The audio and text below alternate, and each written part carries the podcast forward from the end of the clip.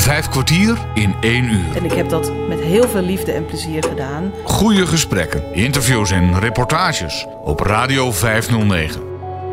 Met gastheren Bas Barendrecht en André van Kwaabegen. Hallo, welkom bij je vijf kwartier in een uur. En voordat ik aankondig wie Bas vandaag als gast heeft, moet ik nog even wat rectificeren. Na het gesprek dat Bas vorige keer had met audicien Ruud Brokken, gaf ik het verkeerde websiteadres door. Ik zei audiobenen, maar het moet zijn audibenen.nl. www.audibenen.nl We gaan weer verder tot de orde van de dag. Deze en de volgende week spreekt Bas uitgebreid met kleinkunstenaar Charlotte Glory. Zij heeft in februari een nieuw album uitgebracht en daar gaan ze het volgende week dieper op in. En draaien dan ook natuurlijk een aantal tracks van deze CD. Maar dat is volgende week. Vandaag zal je ook heel veel muziek van haar hand horen en hebben ze het onder andere over haar familie, kinderen, scheiden, het vinden van een nieuwe liefde en het begin van het leven. Ik ben geboren in Egmond. Egmond aan de Hoef. Niet te verwarren met Egmond aan Zee, wat heel veel mensen doen. Er is altijd een uh, rivaliteit tussen de drie dorpen: Egmond aan de Hoef, Egmond aan Zee en Egmond binnen. En ik kom dus uit het kleinste van de drie, het pittoreske Egmond aan de Hoef. Ja.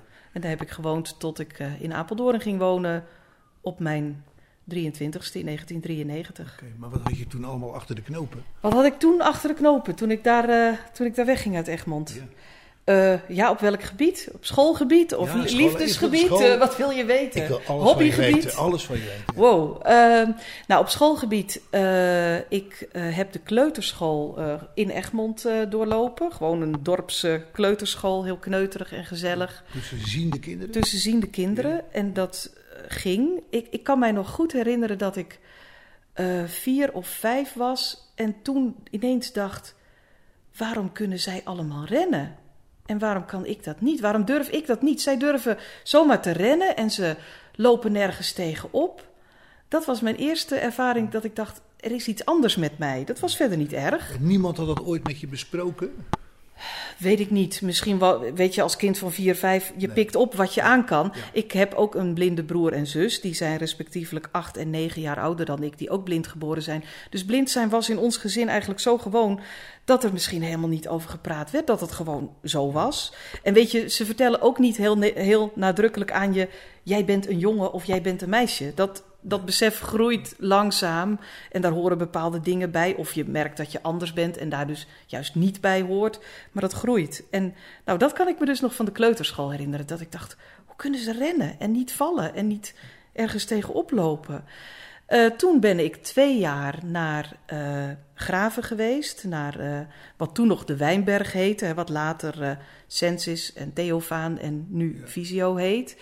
Um, ik ging daar naartoe omdat ja, het was de tijd van de verzuiling. Hè. We hebben het over halverwege jaren zeventig. Dus uh, ik ging niet naar het dichtstbijzijnde bussen, maar naar het katholieke graven. Um, en uh, daar heb ik twee jaar gezeten. En dat waren echt uh, rampjaren voor mij. Want? Want, nou, dat kwam eigenlijk doordat mijn ouders bezig waren om mij thuis naar school te krijgen. En um, omdat ze natuurlijk al een oudere blinde zoon en dochter hadden, hadden ze genoeg ervaring om te zeggen: dit gaan wij aandurven. Ze hadden ook contact gehad met de dorpsschool, uh, of die dat zagen zitten. En nou, hadden daar groen licht voor gekregen. Ze moesten met allerlei ministeries, onder andere het ministerie van Huisvesting moest eraan te pas komen. Of ik wel een eigen kamer had en zo. Wat ze normaal in die grote katholieke gezinnen helemaal niet kwamen vragen. Lagen alle broertjes en zusjes gewoon bij elkaar. Maar ik mocht pas naar huis komen als er voor mij een eigen kamer was. Nou, dat soort dingen. Het punt was dat mijn ouders mij dat vanaf het begin hebben laten weten. Van wij zijn bezig om jou hier vandaan te krijgen. Dus ik zat in Graven, maar ik zat daar met het idee van ik ga hier toch weer weg. Ja. Uh, en eigenlijk is dat voor een kind van zes, ja, is twee jaar natuurlijk veel te lang. Ja. Achteraf zeg ik, dat hadden ze me beter een week of twee van tevoren kunnen vertellen. Van na de zomer hoef je niet meer terug te komen. Dus ik voelde mij anders dan de andere kinderen, want ik zou toch weggaan. Dus ik hechtte me niet. Ik, ik voelde me ja, op een bepaalde manier beter dan zij. Dus dat lag dus ook aan mij en hoe ik me daarop stelde. Dus wat ik heb had, je daar geleerd? Wat heb ik daar geleerd? Ja. Um, ja, wat heb ik daar geleerd? Nou ja, natuurlijk lezen en schrijven, wat je als kind uh, op die leeftijd leert. Um, ja, ik, ik wil bijna zeggen helemaal niks. Of laat ik het zo zeggen, ik wil bijna zeggen niets wat ik niet ook thuis had kunnen leren. Want je hoort soms dat mensen zeggen: Nou, ik ben blij dat ik op het instituut heb gezeten. Want ik heb daar geleerd, uh, daar moesten we echt zelfstandigheidstrainingen, daar moesten we onze was leren vouwen en uh, leren opruimen en bedden opmaken. En daar heb ik echt de rest van mijn leven wat aan gehad. Nou, dat gevoel heb ik nou niet zo, want wat ik zeg, lezen en schrijven had ik ook op school kunnen leren. Natuurlijk, braille heb ik geleerd. Dat was wel handig dat dat door mensen gedaan werd die daar ervaring mee hadden. Uh, maar nou, voor mij had het niet gehoeven, laat ik het zo zeggen. Nee, ik had daar niet hoeven zijn. Uh, want ook bijvoorbeeld lopen met de stok heb ik pas later geleerd, toen ik eenmaal op de, uh, op de gewone school zat, zeg maar, uh, van een ambulante begeleider die dus thuis kwam en mij leerde stok lopen, kaart lezen, dat soort dingen. Dus juist die typische vaardigheden die je als blind kind moet leren, heb ik later even goed wel geleerd. Ook op de, op de basisschool had ik dat kunnen leren. Dus ja. Uh, ik miste gewoon mijn huis verschrikkelijk. Ik had altijd heimwee. Ik, ik herinner me nog bijvoorbeeld, er was, op zondag was, was Sinterklaas. Ja, je, hoort me, je hoort me misschien slikken. Die emotie die zit nog hoog. Er was Sinterklaas, kwam in ons dorp en er was er een intocht. En dat duurde dan bijvoorbeeld van twee tot vijf. Maar dan moest ik om vier uur weg, omdat we nog met de auto naar Graven moesten. En ja. ik, dat kan ik me nog zo herinneren dat mijn vader dan zei: Lot, midden in de feestelijkheden, Lot, we moeten gaan. Nou ja, ik, ik, dat, daar, kan ik, daar zou ik nu nog om kunnen gaan zitten janken. Ja, dat, ja, dat snap ik. Ja. Oh, ik vond dat verschrikkelijk. Dus ik, nee, dat, dat, die periode had voor mij, uh, had, mag, mag voor mij uitgewist worden. Ik ben bijna acht en al twee jaar zit ik op het Blindeninstituut. Ik ben de jongste van de meiden. Ik vind het daar een beetje naar. De grote lachen me vaak uit. Als ik meedoe aan hun boerwedstrijden. Wie het hardste boert, daar gaat het om. Ik vind dat ik het heel goed kan. Maar als ze prijzen gaan verdelen, dan zeggen ze: Jij krijgt niks, stom klein wicht, jij kunt er toch niks van. Ga maar met ziende kinderen spelen. In het weekend mag ik fijn naar huis. De ziende meisjes uit mijn straat zullen mijn boeren prachtig vinden. Dan is het vrijdag, ik kom thuis. Als ik mijn boeren voor hen laat, zeggen zij dat is een spel voor blinden. Ze hebben, zo wordt mij verteld, van de week een clubje opgericht. Ze noemen zich de Parfumgrieten. Dan gaan ze naar het voetbalveld en elke fiets die daar staat of ligt, gaan ze met parfum overgieten. De zadels spuiten ze extra vol, vooral van Ronald, Bart en Daan, want dat zijn zulke maffe knullen. Als die het ontdekken, heb je lol, dan komen ze achter je aan.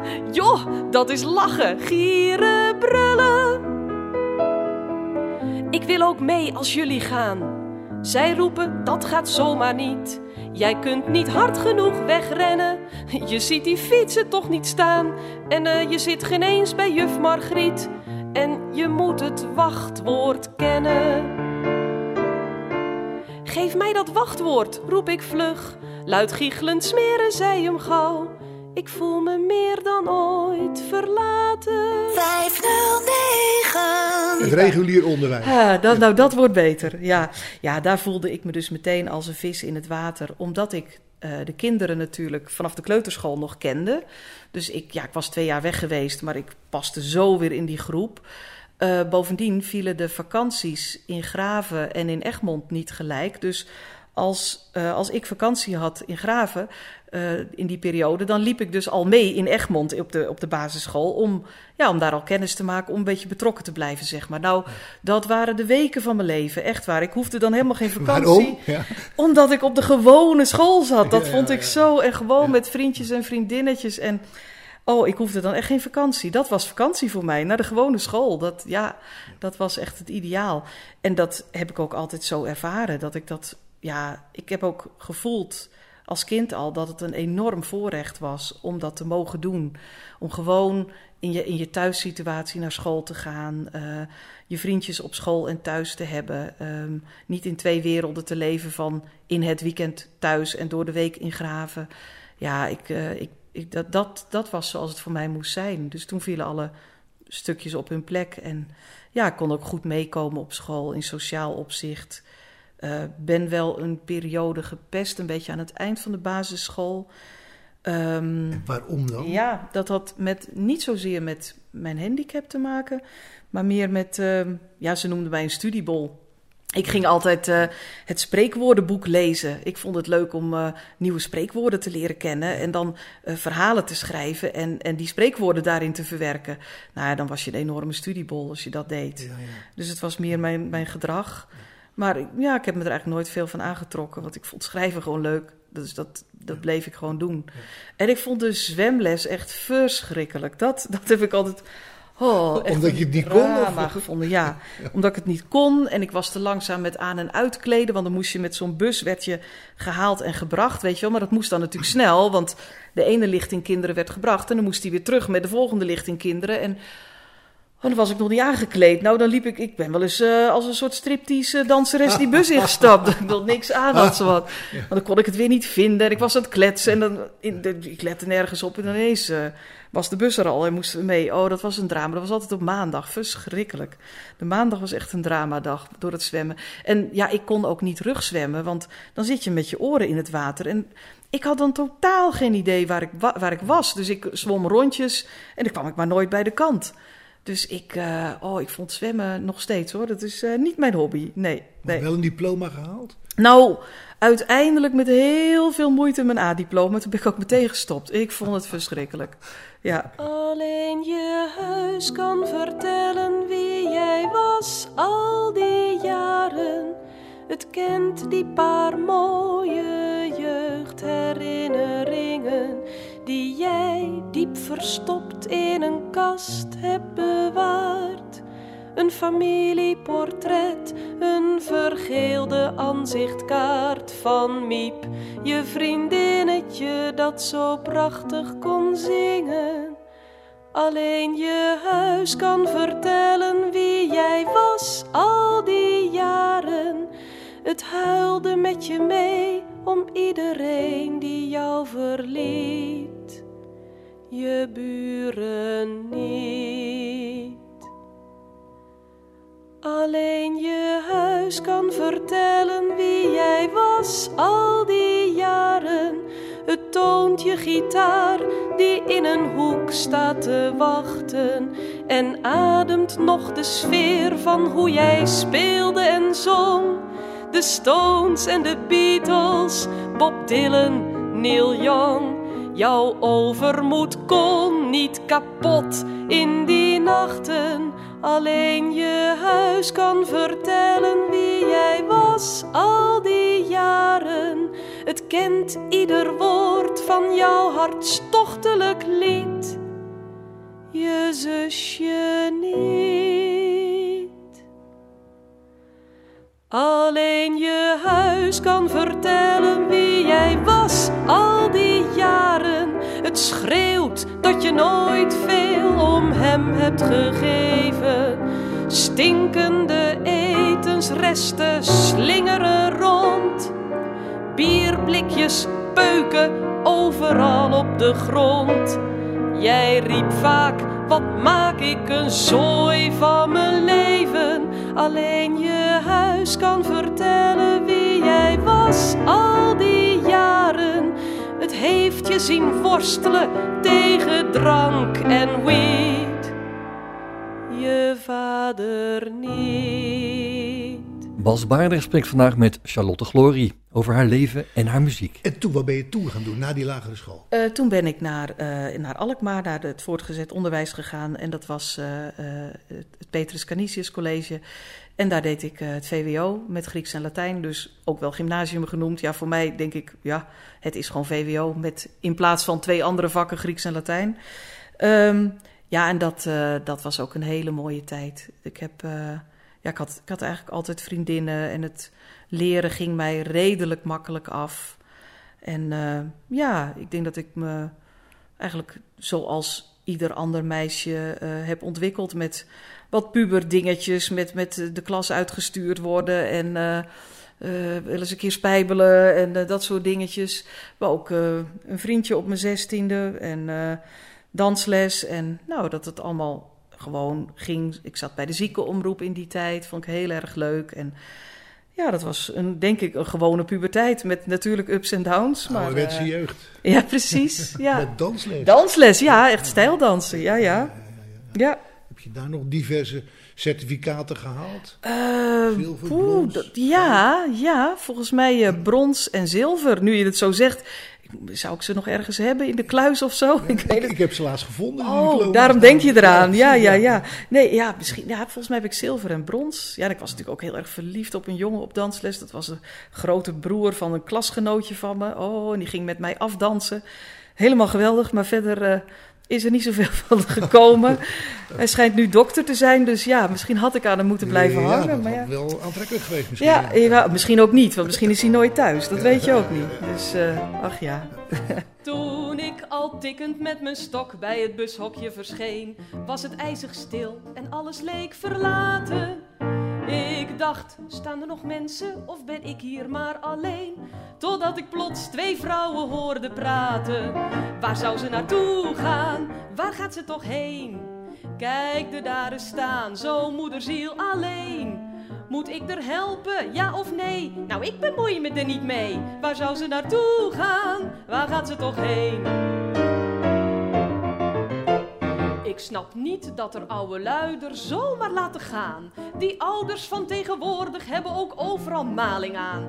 Nou ja, dat kind is jong en jongeren zitten niet graag thuis. Neem nou bijvoorbeeld mijn dochter, hè. Die hou ik met geen stok in huis. Hou maar op over je dochter, dat is een regelrechte del. Nog één woord over mijn dochter en je krijgt me toch een lel? Sst, dat kind hoort alles wat je zegt. Hou even je gezicht. Dat kind kan heus niks horen hoor. Kijk maar, ze heeft haar ogen dicht. Wat later stapte ik in de bus en liep door het middenpad. Wanhopig zocht ik naar een vrije plek. Toen ik die achter in de bus dan toch gevonden had, begon men een geanimeerd gesprek. Waar zou ze naartoe gaan? Waar gaat ze toch heen? Kijk er daar zitten, moederziel alleen. En al die auto's hier op straat, ze komt eronder vroeg of laat. Waar zou ze naartoe gaan? Waar gaat ze toch heen? Zou ze soms naar de vriend gaan die in de stad een kamer hebt? Nee, volgens mij heeft ze geen vriend hoor. Dat komt door haar handicap. Ja, hoe kan zij nou verliefd worden terwijl ze geen eend ziet? Of een gozer ook een beetje een leuk smoeltje hebt of niet? Dat is waar. Wat leef jij je altijd goed in andere mensen in? Hé hey zeg, maar eh, woonde dat kind trouwens niet samen met een eh, vriendin? Nee, nee, dat is er zussie. Is er zussie dan ook blind? Dat zeg je niet hardop. Dat is zo zielig voor dat kind. Vijf kwartier in één uur. Wat ben je toen gaan doen, Charlotte? Toen ben ik Nederlands gaan studeren. Ja, eigenlijk een beetje, eh, zo, ja, een beetje uit gemakzucht, moet ik achteraf eerlijk zeggen. Eh, mijn broer studeerde al Nederlands, eh, is ook blind. En ik had dus zoiets van, nou, ik hou van lezen, ik hou van schrijven. eh, alle boeken die je nodig hebt, hè, alle literatuur, het meeste is wel beschikbaar in braille of gesproken. Dus ach, Nederlands, dat lijkt me wel aardig. Eh, gaandeweg, ik had het ontzettend naar mijn zin, dat wel, met met de studiegenoten en zo. Wat echt een ontzettend leuke club. Maar gaandeweg kwam ik er wel achter dat, ja, dat ik eigenlijk geen wetenschapper ben. Dat ik dat theoretische, ja, dat het eigenlijk niet echt iets voor mij is. Ehm, Je moest het doen. ja, ik had, ik had liever bijvoorbeeld naar de PABO gewild om, om juf te worden. Ik, inmiddels geef ik ook les, wel op een hele andere manier. Maar eh, lesgeven vind ik echt geweldig. Dus dat heb ik toen wel goed aangevoeld. Dat ik dat eigenlijk had moeten doen. Want ja, leraar Nederlands op een middelbare school had ik kunnen worden. Maar ik had zoiets van ja, met, met zo'n klas met pubers, je hebt geen idee wat ze allemaal uitspoken. En toen ging het nog, maar dan denk ik, als ik nu nog voor de klas zou staan met al die mobieltjes waarvan je geen idee hebt wat ze er hè, intussen allemaal mee aan het doen zijn tijdens je les. Nou, ik, eh, ik ben blij dat ik dat uiteindelijk niet ben gaan doen. Je had ook op een school kunnen werken waar ze, ze verplicht zijn om de mobieltjes in Dat, te dat leveren. is tegenwoordig ook wel zo, maar dan nog schijnen ze er wel eens tussendoor te glippen hoor. Hoor ik van mijn andere broer die in het eh, speciaal onderwijs werkt, die zegt nou die mobieltjes dat, eh, dat is wat. Dus eh, nee, ik ben, ik ben blij dat ik dat, eh, dat ik dat uiteindelijk niet ben gaan doen. Maar ik heb de studie wel afgemaakt, want ik had zoiets van nou, ik, ik wil, ja, ik, ik ben nu zover. Toen ik er eigenlijk achter kwam van nee, dit is het toch niet voor mij, was ik al zover dat ik dacht nu ga ik het afmaken en... Ehm, inmiddels had ik toen ook een specialisatie gevonden die mij wel beviel. Dat was jeugdliteratuur, dus daar heb ik uh, wat onderzoeken in gedaan. En uh, mijn afstudeerscriptie die ging over uh, homoseksualiteit in de jeugdliteratuur. En dat, ja, dat spreekt mij nog steeds heel erg aan, dat onderwerp, omdat... Uh, je ziet eigenlijk in de jeugdliteratuur ook allerlei maatschappelijke trends terug, hè? Mm -hmm. die, die in die tijd spelen. Dus een boek wat je bijvoorbeeld ziet, is dat een boek uh, over homoseksualiteit uit 1970, want toen is ongeveer ja. het eerste jeugdboek verschenen over dat onderwerp. Toen was dat het onderwerp. Een jongen die ontdekte dat hij homo was. Nou, nou, nou, de wereld stortte in. En nou, met een heleboel drama. En uiteindelijk kwam het dan toch goed. En zo waren er een aantal boeken, ook variërend van boeken van als je maar hard bidt, dan gaat het wel over. Die boeken heb je ook. En mm -hmm. nou, boeken uh, waarin uiteindelijk, uh, nou ja, meest vreselijke dingen met homo's gebeuren. Zo van zie je wel, het loopt slecht met je af. Ja. Um, maar de, je ziet dus aan hoe mensen hun kinderen over zo'n onderwerp vertellen, ook hoe het maatschappelijk ligt, weet je wel, bij verschillende groepen. Ja. Dus dat vind ik er. Ja. En tegenwoordig zie je dus, en dat vind ik wel mooi, dat uh, homoseksualiteit er gewoon is in de boeken. Zoals het ook in het leven is. Dus kinderen hebben homoseksuele ouders of tantes of een leraar waarvan ze ontdekken dat hij homo is. Maar dat is niet van, oh, nou, nou is dat het onderwerp, weet je wel? Nee. Dat gebeurt eigenlijk bijna niet meer. Dus dat vind ik wel. Uh, vind, maar de omstandigheden mooi, zijn nog wel hetzelfde. Helaas wel soms. Ja, dat bedoel ik. Ja, tegelijk denk ik wel dat, nou, dat toch ook heel veel jongeren, als ik naar mijn eigen kinderen kijk, er totaal geen moeite mee hebben. Nee, nee dus. Nee, uh, nee. Maar goed, in België onlangs dat ongeluk. Ja, ongeluk. vrees. Nou, en, en geen door, ongeluk. door drie minderjarigen. Ja, nog- verschrikkelijk. Ja, en in Nederland, als je denkt of, eh, ook aan die Nashville-verklaring... die Ja. ook door heel veel Nederlanders is getekend. En ja, ik, eh, je ziet, ik denk wel eens dat er steeds meer polarisatie is. Dat er van de ene kant moet alles maar kunnen. Hè? Eh, we vinden dat alles... eh, hoe moet ik het zeggen? Ieder, iedereen mag er zijn zoals hij is. En totaal geen, geen uitsluiting in onze taal. Eh, zelfs een woord als no- normale huid mag niet meer, las ik laatst. Want ja, wat en wie is normaal? Ja. Eh, dus, dus die stroming. En tegelijk zie je ook die stroming die, het- die, die, nou, die, die nog heel, heel terughoudend en, en conservatief is in mijn beleving. Ik heb wel eens het idee dat er niks tussenin zit. De zwarte vrouw en ik zitten samen in de trein. Ze ziet me braille lezen en ze vraagt: Hoe doe jij dat?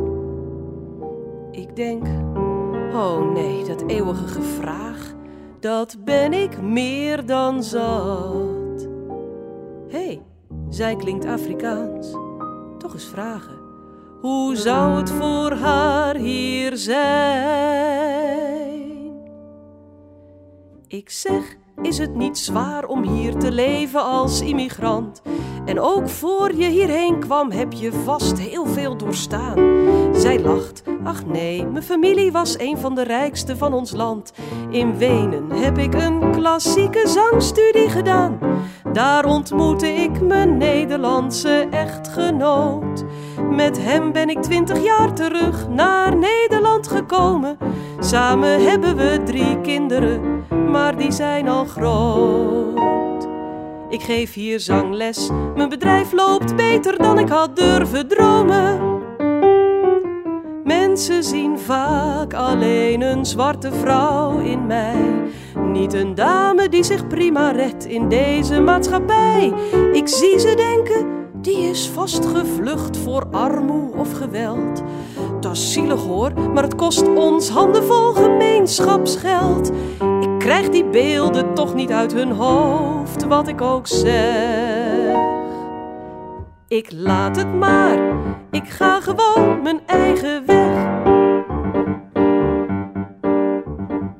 En jij, vraagt ze aan mij, je moest vast veel moeilijkheden overwinnen.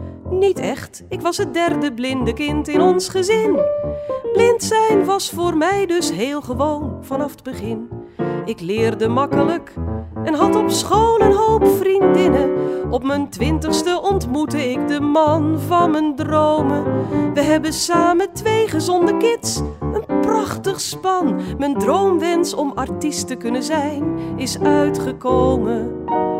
Mijn ouders, hobby's, vrienden, daar geniet ik dagelijks van. Mensen zien vaak alleen een blinde vrouw in mij. Niet een dame die zich prima redt in deze maatschappij. Ik hoor ze denken, tastend vindt ze haar weg door haar altijd donkere dagen. Maar moedig draagt ze haar zwaar en eenzaam lot zonder te klagen. Oh, ik krijg die beelden toch niet uit hun hoofd, wat ik ook zeg. Vijf kwartier in één uur.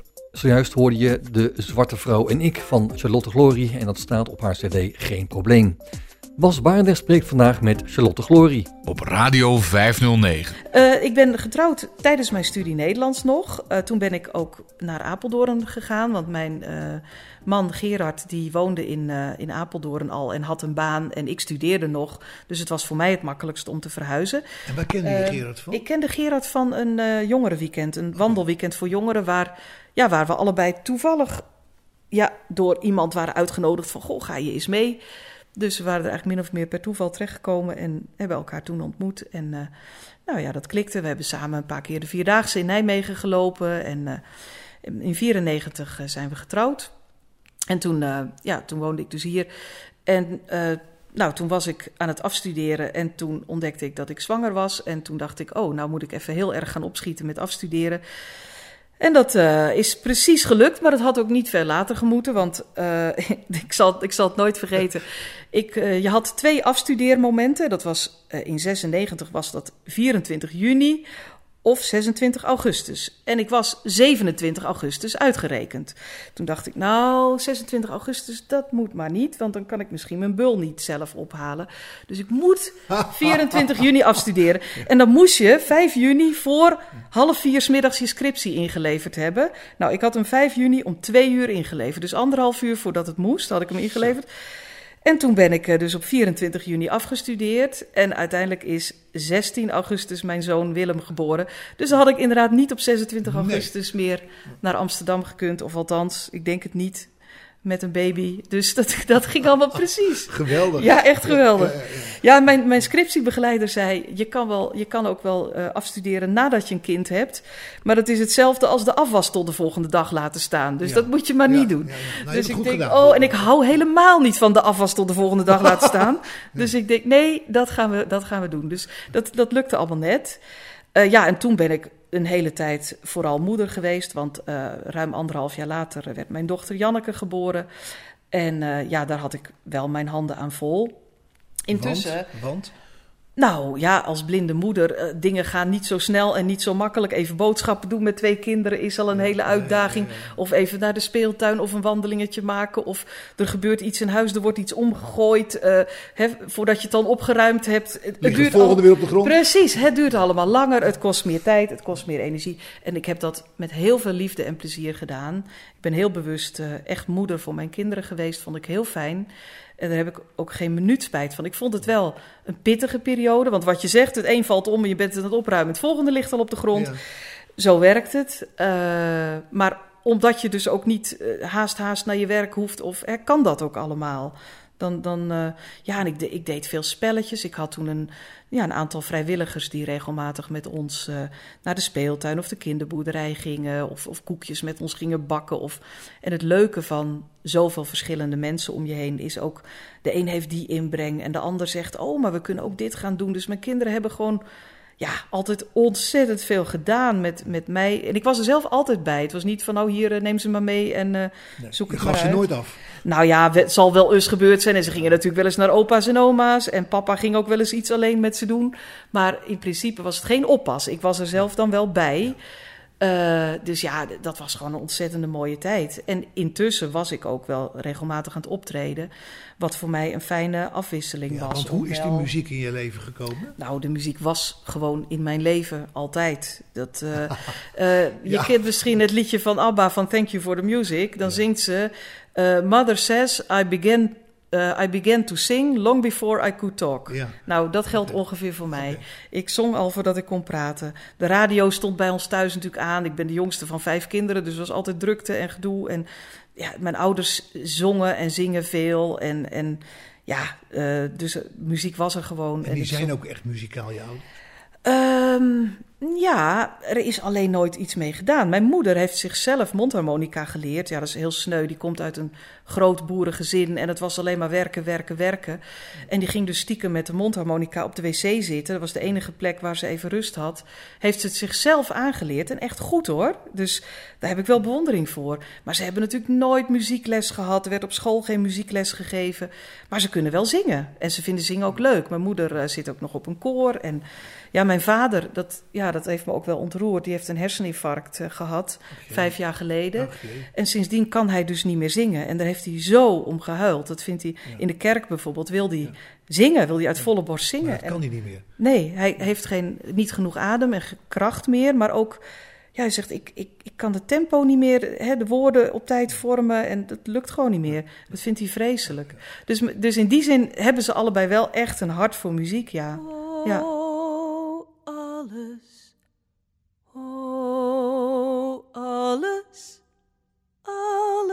Alles, alles, alles. Mijn liedjes zijn de doden die ik op zou willen wekken. Mijn liedjes zijn de vrienden die ik onderweg ben kwijtgeraakt. Ze zijn alles wat ik begonnen ben, maar niet heb afgemaakt. Mijn liedjes zijn de verre landen die ik nooit durfde ontdekken. Liedjes zijn de wereld waar ik ooit in hoop te leven. Ze zijn de plaatsen waar ik mezelf kan zijn, vrij als een kind. Waar ik eerst een vrouw met mijn talenten ben en dan pas blind. Waar mensen me voor vol aanzien, me alle ruimte geven. Mijn liedjes zijn de stille tranen die ik huil van binnen. Om alle kansen die me zijn ontnomen door de tijd. Ze zijn de mannen die mijn hart doen overslaan van spijt. Omdat ik weet dat het te laat is om ze te beminnen. Oh, alles, oh, alles, alles, alles zijn mijn liedjes voor mij.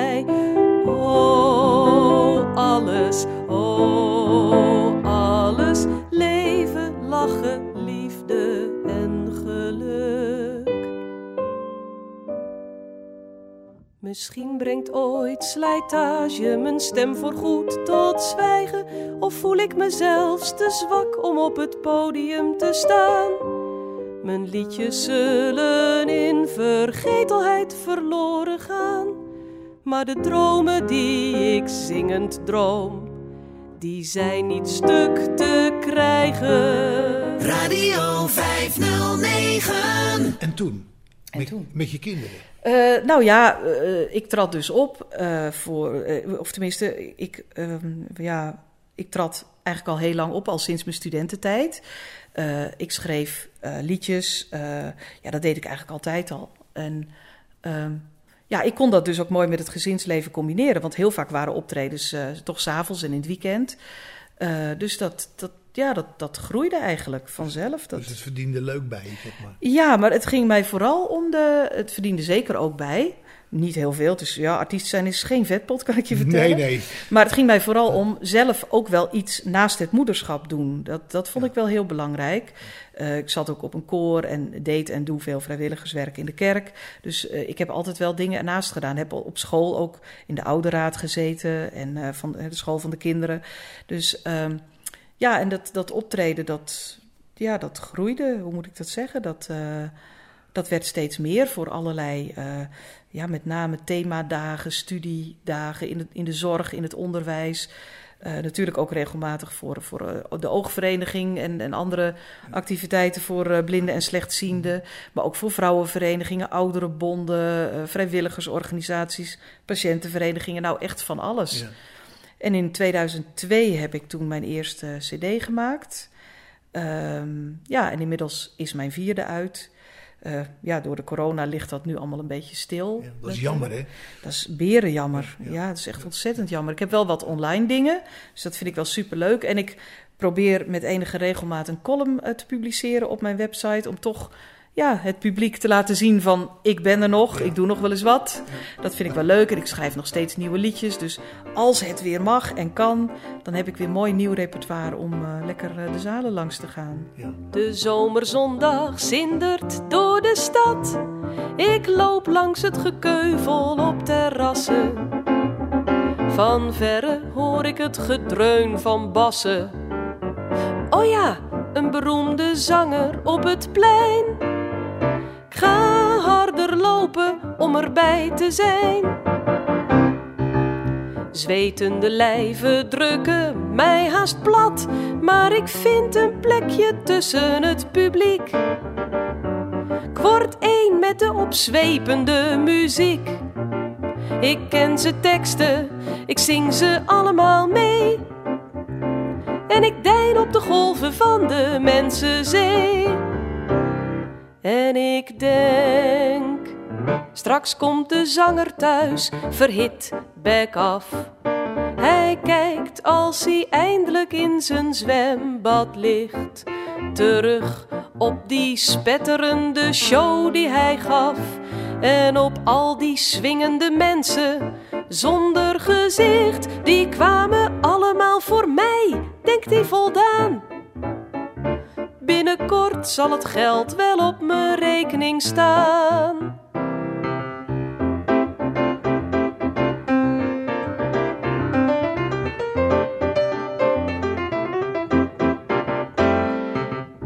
Met de muziek nog tuitend in mijn oren loop ik de drukte van het centrum uit.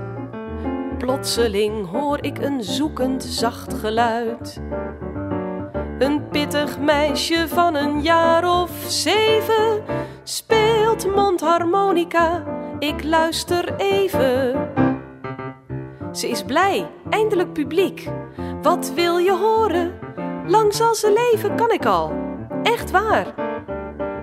Oh, dat is leuk. Ik ben bijna jarig. Speel dat maar. Uh, want, wat, uh, ja, want we waren eigenlijk gebleven bij dat, dat, dat de kinderen natuurlijk uh, groter werden. En ja. ik ging dus meer optreden. maar op een gegeven moment merkte ik toch dat. Um, ja, dat, dat, dat ik eigenlijk te weinig te doen had. Hoe moet ik het zeggen? Ik, de kinderen redden zich steeds meer zelf, zaten op de middelbare school. En toen kwam en dat ging ook goed, hè, met die kinderen? Ja, ging heel goed. Ja, ze, zij uh, kunnen allebei zien, gelukkig. En ja, ze, het zijn gewoon leuke, leuke mensen. Gewoon leuke, lieve, volwassen mensen nu... met wie ik een geweldige band heb. Wat doet je zoon? Mijn zoon die, uh, is kunstenaar. Die heeft de kunstacademie uh, gedaan in Arnhem. En die zit nu in Barcelona. Die, die leeft eigenlijk... Die, ja, ik zeg altijd, hij gaat waar de kunst hem brengt. Dus als hij een opdracht ergens krijgt of een beurs krijgt om ergens uh, iets te gaan maken, dan, uh, dan gaat hij daar naartoe. Dus hij heeft een tijd met zijn vriendin in Berlijn gezeten. Nu zit hij in Barcelona. En wat dus, maakt hij daar? Wat maakt hij? Um, ja, hij maakt vaak kunst die te maken heeft met de, de omgeving. Ik zal gewoon een heel simpel voorbeeld noemen, want anders is het heel lastig. Um, nou, twee, twee voorbeelden. Hij heeft um, malieveldgras verkocht. Uh, toen de coronacrisis uitbrak, had hij zoiets van: er zijn heel veel protesten op het Malieveld. Maar met de corona mag er niet meer geprotesteerd worden. Mensen mogen niet meer zo dicht bij elkaar staan. Dus hij heeft wat gras van het Malieveld heeft hij gejat, s morgens vroeg. Waar, ja. ja, toen heeft hij de. Uh, de, de, ja, de, de beheerder van het Malieveld heeft hij gevraagd bij welke uh, zaadhandel zij het graszaad betrokken. Daar heeft hij dus ook uh, graszaad, want dat is een bepaalde mix. Hebben ze, heeft hij betrokken van het Malieveldgras en daar heeft hij zelf ook gras opgekweekt. En hij verkoopt dus zakjes van dat zaad van dat Malieveldgras, wat hij zelf dus geoogst heeft. Um, dat je precies anderhalve meter op je balkon of in je tuin uh, je eigen protestruimte. Zo van je mag niet meer naar het Malieveld reizen. Dus dan maak je je eigen Malieveld van anderhalve meter. Hè, dus heel corona-proof. Maak je je eigen Malieveld op je balkon of in je tuin. Nou, en daar is hij flink aantal keer mee op de radio geweest. Zelfs op de televisie heeft hij flink verkocht. Uh, voor 8 euro konden mensen een uh, zakje Malieveldgras kopen. Leuk hè? inkoopwaarde is misschien twee dubbeltjes. De, ja, nou, maar hij heeft het wel zelf, zelf ge geoogst. Hè? Dus er ja, ja. zit heel veel werk in. Ja, dus dat, dat maakt het bewerkelijk. En dus dus ook 8 euro waard. Ja. Maar ja, zeker. En wat hij nu dus aan het doen is, omdat hij nu in Barcelona zit. ehm, je kunt dus eh, bij de Sagrada Familia, dat is die grote kathedraal hè, in Barcelona. Ja. Daar kun je dus eh, eh, kleine miniatuurtjes van die kathedraal kopen als souvenir. Maar die zijn helemaal voltooid. Terwijl in werkelijkheid is die, zijn die torens helemaal niet af. Nee. Dus wat heeft hij gedaan? Hij heeft een aantal van die souvenirtjes gekocht. En daar heeft hij de torentjes van afgezaagd zoals ze er nu uitzien. En die noemt hij dan Sagrada Familia 2021. Dus dan, koop je, dan kun je dus bij hem de Sagrada Familia kopen zoals hij er nu daadwerkelijk uitziet. En niet zoals die voltooid is. En dan wil hij dus over een jaar weer gaan doen. Zo van, dan kun je dus de Sagrada Familia 2022 kopen, Ja, hoe die er dan uitziet. Geweldig. Nou, dat soort, dus het het is altijd ludiek wat hij eh, bedenkt. Dus het Ja. is altijd superleuk. Ja. Ja, en mijn dochter eh, is ergotherapeut en die eh, werkt in Amsterdam eh, bij eh Cordaan, dus met, met oudere mensen die bijvoorbeeld een, een beroerte hebben gehad of een amputatie of zoiets. Ja. En die mag ze weer leren de dagelijkse handelingen uitvoeren. En ze gaat bij mensen op huisbezoek om te kijken eh, of de thuissituatie eh, geschikt voor hun eh, beperking is, zeg maar, eh, hoe ze die kunnen aanpassen. Dat soort dingen. En die heeft het ook heel erg naar de zin. En eh, ja, ze hebben allebei een leuke relatie. Dus eh, ik ben heel trots op ze. Ja, zeker. Daar gaat hij,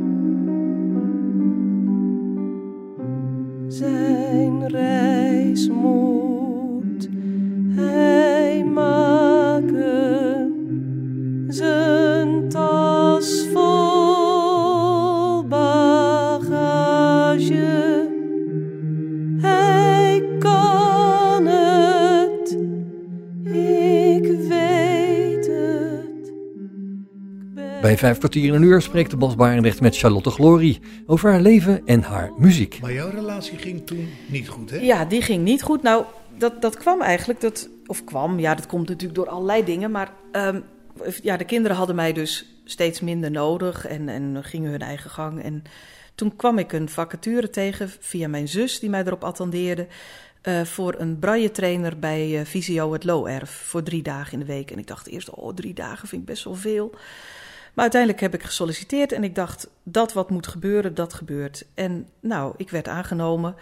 En nou, ik heb er ontzettend tegenop gezien. Want ik was natuurlijk best gewend aan een vrij bestaan. Ik had wel mijn dingen te doen, maar toch. En ik dacht, oh, dit, dit kan ik niet. Eh, drie dagen in de week van half negen tot vijf op een kantoor zijn. En daar ook moeten zijn. En Ik kan het helemaal voorstellen. Oh, ja. ik kan dat helemaal niet.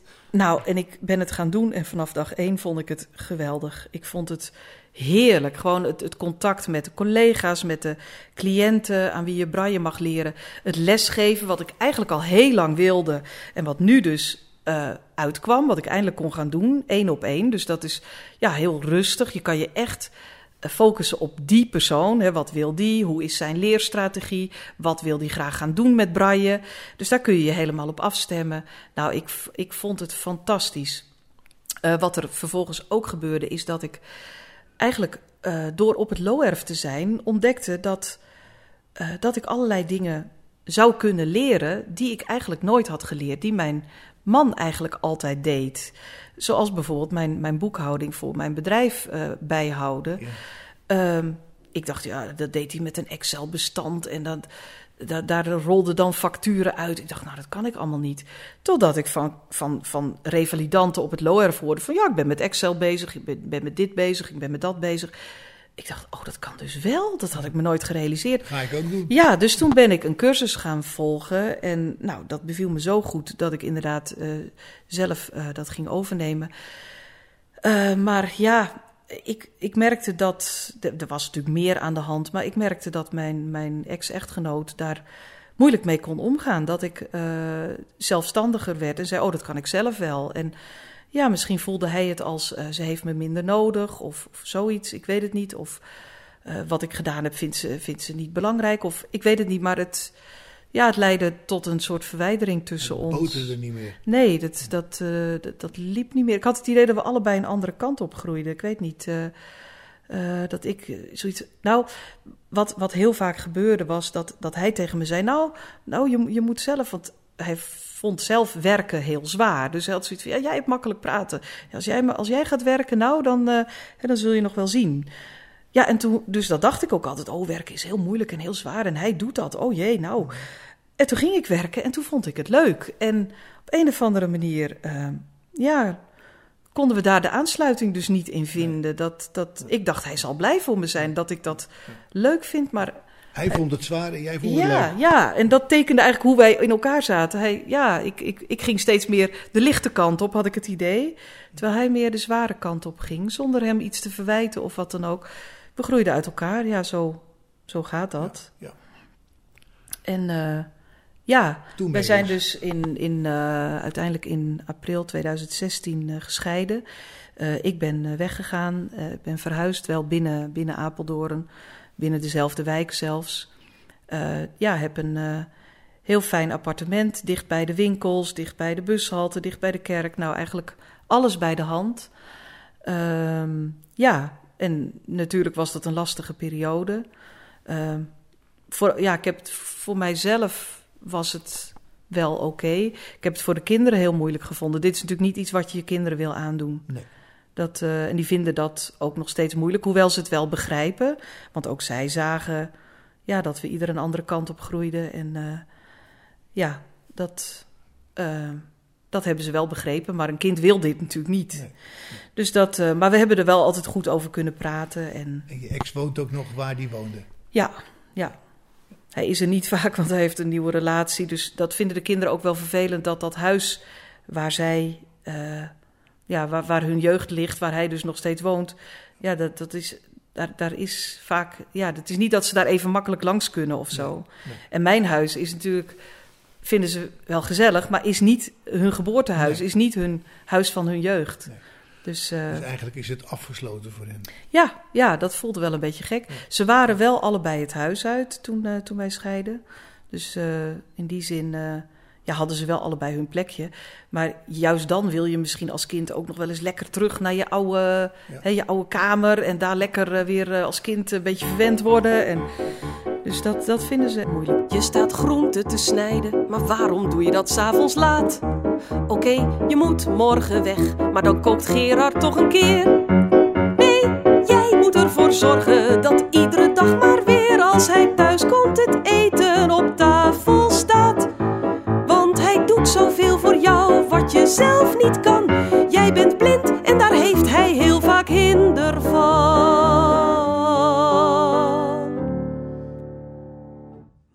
Charlotte, dat praat jij jezelf alleen maar aan.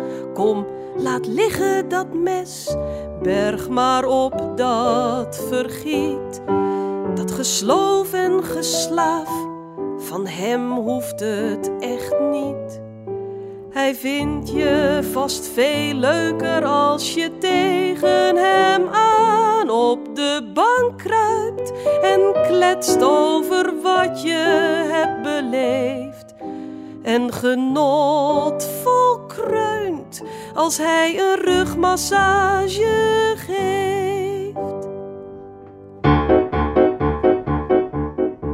Je staat al klaar met jas en tas, maar het is pas half twee. Pas om twee uur komt je vriendin, jullie gaan samen naar de stad. Zij rijdt om jou te halen, dus je mag die lieve schat niet laten wachten. Je kijkt nog eens, heb ik wel mijn portemonnee? Want zij moet met jou mee terug als jij hem vergeten zou. En tandem fietsen vindt ze eng, dat doet ze allemaal voor jou. Vijf kwartier in één uur. Maar nou gaat moeder zo af en toe met ze stappen. ja, nou zeker weten, als dat, als dat nog Ik kom kan. je wel eens tegen, dus... Ja, ja, nou, ik heb, want toen ik 50 werd, eh, vorig jaar augustus, eh, heb ik een eh, karaokeavond van ze cadeau gekregen. En dat was in de tijd dat dat nog mocht voor de lockdown. Oh, geweldig, met z'n achten Ja. in, een, in een soort kamer. En dan, ja, en dan lekker mee blaren met ABBA en zo. Nou, dan, eh, oh ja, heerlijk. Dus eh, inderdaad, dan doet moeder eh, niet voor ze onder, zeker. Alle taboes zijn wel zo'n beetje doorbroken. Er is echt niet veel meer wat ons nu nog choqueert. Alles mag aan plein publiek worden besproken en uitgebreid worden geëtaleerd. Maar er is één taboe dat nog bestaat. En dat is zingen op straat. Ach, zo'n kind hoort absoluut in een blindeninstituut. Waar zou ze naartoe gaan? Waar gaat ze toch heen? Zingen op straat, dat is gek, dat is raar. Wie dat doet, die vraagt toch om gegichel en gestaar. Aandachttrekkerij is het, geef het nou maar toe. Zingen op straat is taboe. Bidoe-bidoe-bidoe-poe, padoe-doe-doe-bidoe, taboe-poe-bidoe. Zingen mag best tussen de schuifdeuren thuis of in het stadion.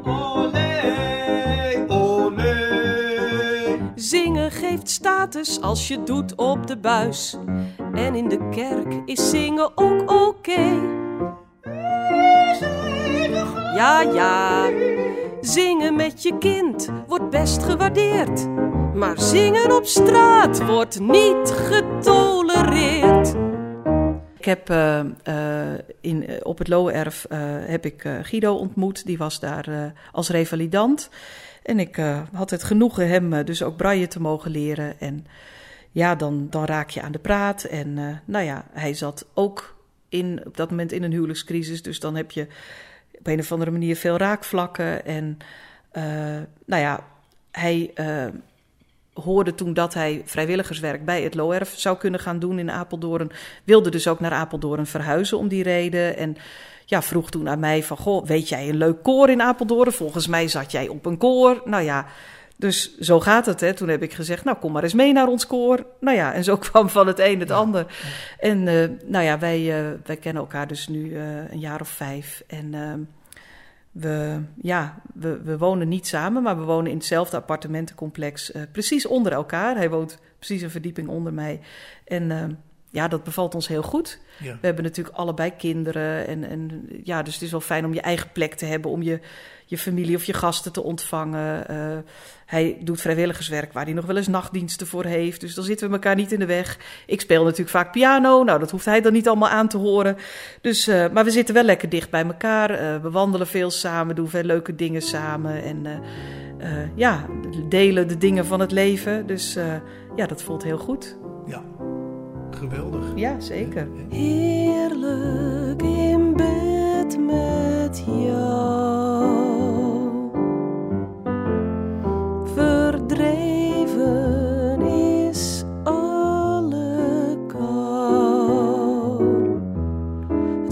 Bij jou zo veilig voor mij. Hier te zijn is heilig voor mij. Heerlijk in bed met jou. We zijn samen één lijf, van jou of van mij. Waar eindigt mijn lichaam en waar begin jij? Geen plekje van mij dat niet iets van jou raakt. Alles past, alles klopt, we zijn voor elkaar gemaakt. In één adem gaat onze borst op en neer, elkaar zoekend en vindend, zo vertrouwd keer op keer.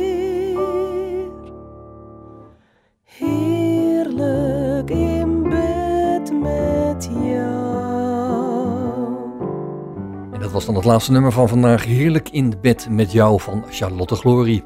Bas Barendrecht sprak vandaag met haar en gaat daar volgende week gewoon mee door. Zij hebben het dan over haar nieuwe album Als het weer kan. Voor nu bedank ik je namens Bas Barendrecht voor het luisteren. En heb je overigens nog vragen of opmerkingen of wil je zelf wel eens aan het woord komen, dan kan je een mailtje sturen naar bas.radio509.nl. Geniet van de rest van deze dag, blijf luisteren naar Radio 509 en tot een volgende keer. Vijf kwartier in één uur is een programma van Bas Barendrecht. Techniek André van Kwaabegen.